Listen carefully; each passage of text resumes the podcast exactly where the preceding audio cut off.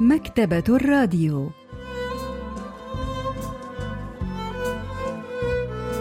أهلا وسهلا بكم في حلقة جديدة من البرنامج الأسبوعي مكتبة الراديو الذي نستعرض من خلاله كتابا جديدا كل أسبوع. واليوم سوف نستعرض قصة نظرتهم للكاتب شين جي هيونغ. لحظات ونوافيكم بالتفاصيل.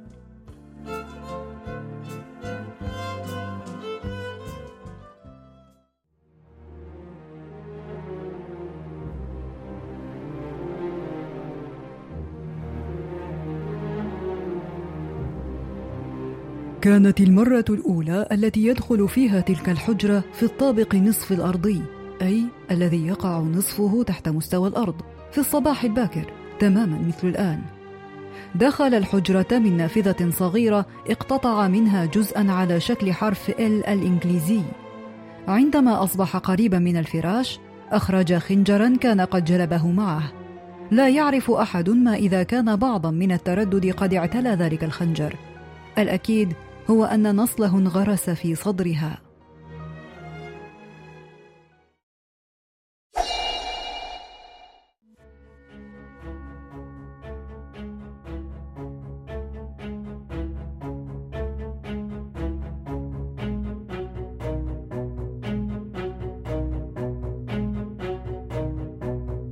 أجفلت الفتاة من الملمس المعدني القاسي والألم الشنيع الذي اخترق جسدها فصرخت بكل ما أوتيت من قوة وخرجت إلى غرفة المعيشة. كان نصف جسدها العلوي ينزف. هربت من المعتدي زحفا. ما إن أمسكت بمقبض الباب حتى هوى الخنجر على كفها. كسى الدم مقبض الباب. انسالت الدماء من جرح الفتاة الميتة.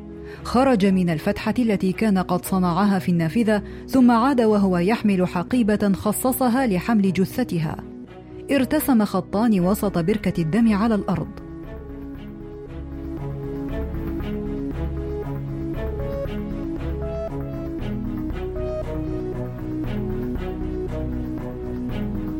في الحلقة الثالثة من قصص الإثارة والغموض الصيفية نقدم لكم قصة نظرتهم. للكاتب شين جي هيونغ التي نشرت عام 2009 وبطل القصة هو خبير جرائم يعيد إنشاء أحداث الجريمة في مسرح الجريمة ليعرف كيف وقعت الجريمة بالضبط. بعد أسبوعين من الجريمة المذكورة اكتشفت جثة امرأة أخرى بالقرب من سد ببلدة كانغهاغون. سنكتشف ذلك فور أن نعرف هوية المرأة، ولكنها ليست كيم ميسوك ما حدث على الأغلب هو أن القاتل قد طعنها من الصدر رأسيا من المكان الذي كان يقف فيه. أما الجرح في هذه الجثة فهو مائل. كما أن القاتل طعن كف كيم ميسوك حين أمسكت مقبض الباب محاولة الهرب. أما هذه الجثة فليس فيها جرح مماثل. كانت الجثة عارية وكانت أصابعها العشرة مقطوعة مع علامة على عنقها من أثر الخنق. السبب الذي جعل علامة الخنق عريضة هكذا هو أن القاتل لم يستطع خنقها بقوة تكفي لقتلها، رغم أنه على الأرجح خنقها بعدما طعنها في جنبها. قال الشرطي: أتظن أن قبضته ليست قوية بما فيه الكفاية؟ ربما، قد يكون ذلك سبب قطعه لأصابعها. ربما قاومته وهو يخنقها، وقد تكون مقاومتها خلفت بعضا من جلده تحت أظافرها ربما قطع أصابعها ليتخلص من ذلك الدليل. مم. أظن أن القاتل شاب نحيف. نظرا لأن الجثة تركت هنا لابد أنه قاد سيارة ما إلى هنا وهو ما يعني أنه في منتصف العشرينيات من عمره على الأقل. أظهرت نتائج تحاليل الحامض النووي أن الضحية هي إي آهيون البالغة من العمر 26 عاما وكانت تعيش بالقرب من مسكن كيم ميسوك الضحية التي سبقتها.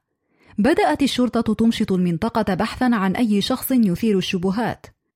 كان منزل آهيون يشبه المكان الذي قتلت فيه ميسوك من عدة جهات لكن الفرق المهم بينهما هو أن آثار أقدام القاتل لم تكن داخل غرفة النوم بل كانت أمام الحمام.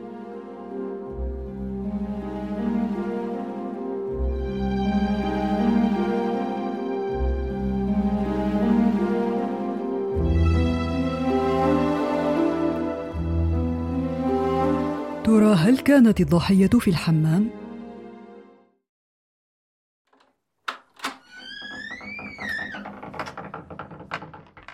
كان الحمام مليئا ببقع الدم كما هو متوقع. لا شك أن القاتل قتلها هنا. لكن كيف وصلت بقع الدم إلى غرفة المعيشة اذن هل وقعت الجريمة في الحمام ثم أتبعها صراع في غرفة المعيشة قبل أن يعودا إلى الحمام مجددا؟ لكن الطريق بين الحمام وغرفة المعيشة لم يكن فيه قطرة دم واحدة الأغرب هو أن بقع الدم بدأت عند ملاءة السرير تبع خبير الجرائم آثار الدم التي بدأت على ملاءة السرير. انحنيت كي أتأمل قطرات الدم عن قرب، ورأيت مشغل ملفات صوتية من نوع MP3 تحت الفراش، ثم رأيت سلسلة من قطرات الدم تتجه إلى غرفة المعيشة. ولكن خبير الجرائم لم يستطع أن يتوصل إلى أي شيء، حتى اكتشف بقعة دم بالقرب من المرآة الطويلة التي كانت في ركن من أركان غرفة المعيشة. بدت حركات القاتل في مسرح جريمة كيم ميسوك مقصودة تماما وكأنه خطط لكل خطوة ولكن لماذا يبدو عشوائيا هنا؟ هل أفسد أحد ما خطته؟ لماذا خلع ملابسها؟ لم يكن ينوي الاعتداء عليها ماذا لو كانت هي من خلعت ملابسها؟ بدأت احتمالات عديدة تقفز في رأسي.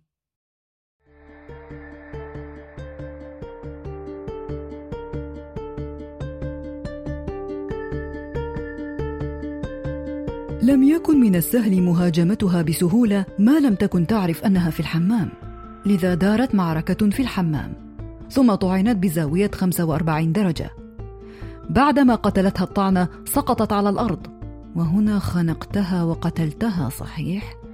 عندما دخلت المنزل ظننت أن الضحية في غرفة النوم كان بإمكانك التأكد مما إذا كان هناك أحد على السرير إذا نظرت عبر النافذة أولاً ذهبت إلى غرفة النوم كي أتأكد من تخميناتي الأخيرة. شغلت مشغل الملفات الصوتية الذي وجدته تحت السرير لأتأكد من الصوت.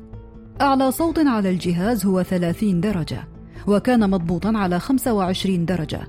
إذا كان الصوت عاليا إلى هذا الحد، فلا شك أن الشخص لم يكن ليسمع ما كان يحدث في الحمام.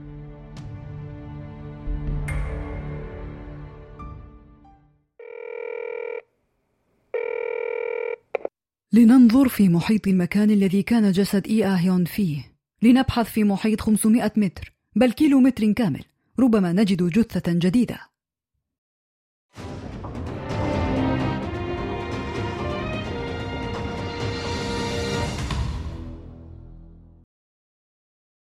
بينما كان خبير الجرائم في طريقه إلى قسم شرطة كانغوا تلقى اتصالا يفيد أنه تم العثور على سيارة إي آهيون وعندما أخبر فريق التحري في جرائم القتل في قسم شرطة كانغوا أنه ربما يكون هناك ضحيتان في هذه القضية انفجر رئيس فريق التحقيق غاضبا.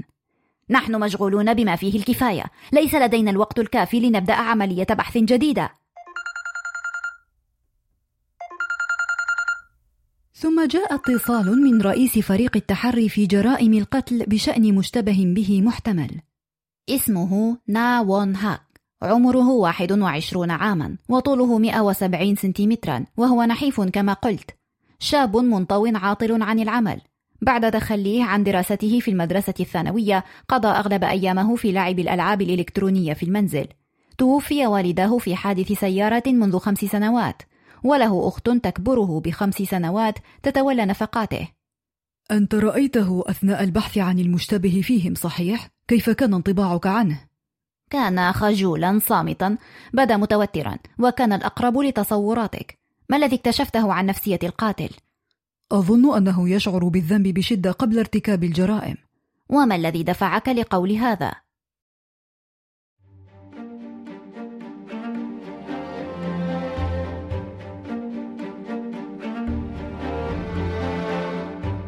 من المرآة المكسورة في مسرح جريمة قتل إياهيون قطرات الدم الموجودة بين الشظايا المكسورة تدلنا على أنه قد حطم المرآة على الأرجح قبل أن يقتل الضحية. لا شك أنه شعر بالذنب لأنه رأى انعكاسه في المرآة ولذلك كسرها. ولكن مع استمرار جرائم القتل سيضعف شعوره هذا. يجب أن نسرع إذن، لنذهب الآن. ماذا تعني؟ لقد وجدوا جثة أخرى منذ قليل. عند حقل القصب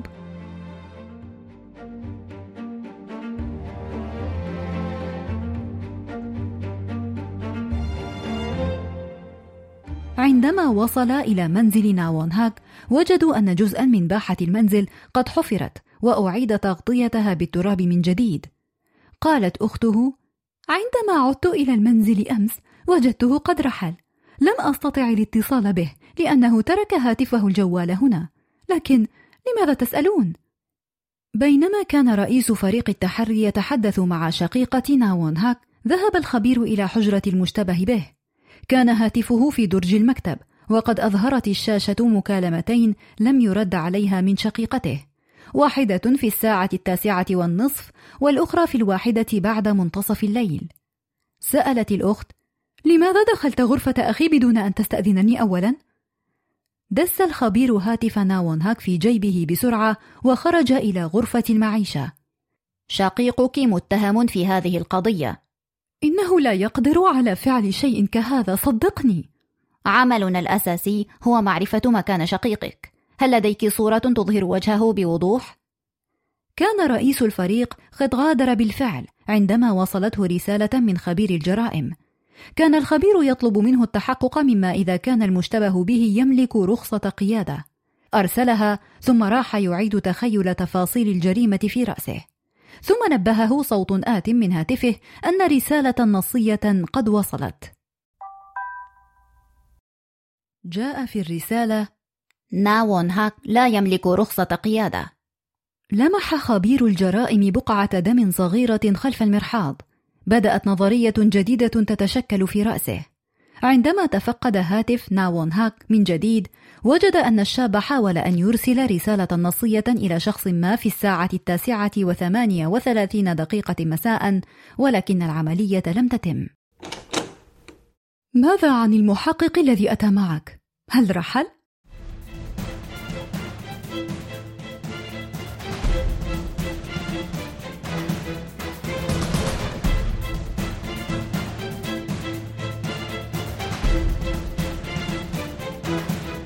بدا صوتها مختلفا. سارت إلى المطبخ وتكلمت بعدما أخرجت شيئا ما من الخزانة. قالت أخبرني بما كنت تحاول أن تقوله قبل قليل. سأخبرك بكل ما أعرف. لدي سؤال واحد فقط. لماذا فعلت ذلك؟ لا أعرف ماذا تقصد. قلت إنك عندما أتيت إلى المنزل في الثامنة والنصف لم يكن شقيقك في المنزل. ثم أخرجت هاتف وونهاك ووضعته على الطاولة وقلت لماذا إذا توجد رسالة نصية لم ينجح إرسالها في الساعة التاسعة وثمانية وثلاثين دقيقة؟ لماذا قتلت شقيقك؟ لمع نصل حاد يبلغ طوله عشر سنتيمترات تحت الضوء الخافت لم يكن هناك أي تردد في عينيها كان من الواضح أنها كونت مقاومة داخلية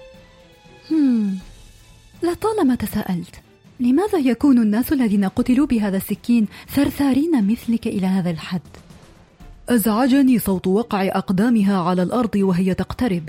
كان علي أن أوقفها بأي صورة. قلت قتلت ثلاث نساء بريئات قبل أن تدفني إحداهن في باحة منزلك وتتخلصي من جثتين في حقل القصب. وعندما ضيقت الشرطة الخناق عليك قتلت شقيقك في الحمام. أصمت!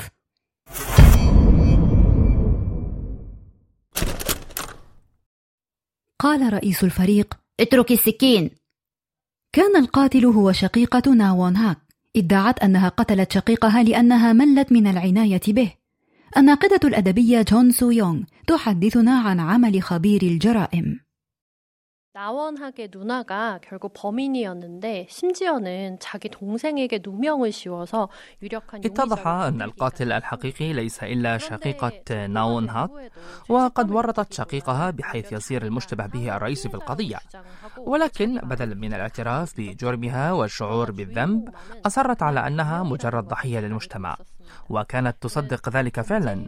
ولكن خبير الجرائم كان يدرك أن ذلك مجرد حجة فارغة.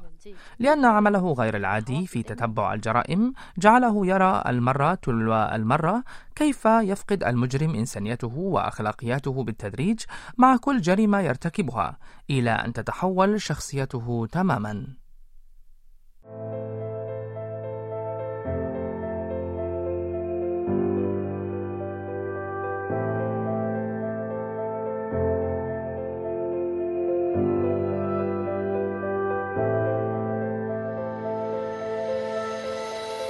تركت قسم الشرطة وذهبت إلى سيول.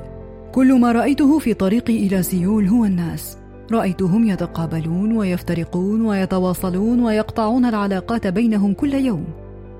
إذا قتل شخص ما نجري التحقيقات مع كل من ربطته علاقة بالضحية لأن كل شخص لديه سبب عميق خفي لارتكاب جريمة قتل وهو شيء مفهوم وغير مفهوم في نفس الوقت. ولهذا يجب أن أتأمل العالم من حولي بنظرتهم المحرفه بأعين غير دقيقة كمرآة مكسورة.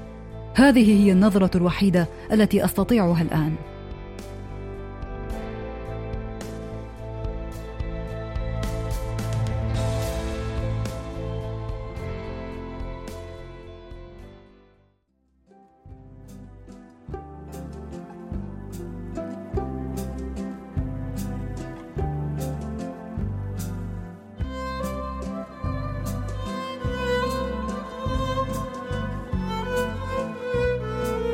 استعرضنا معا قصة نظرتهم للكاتب شين جي هيونغ.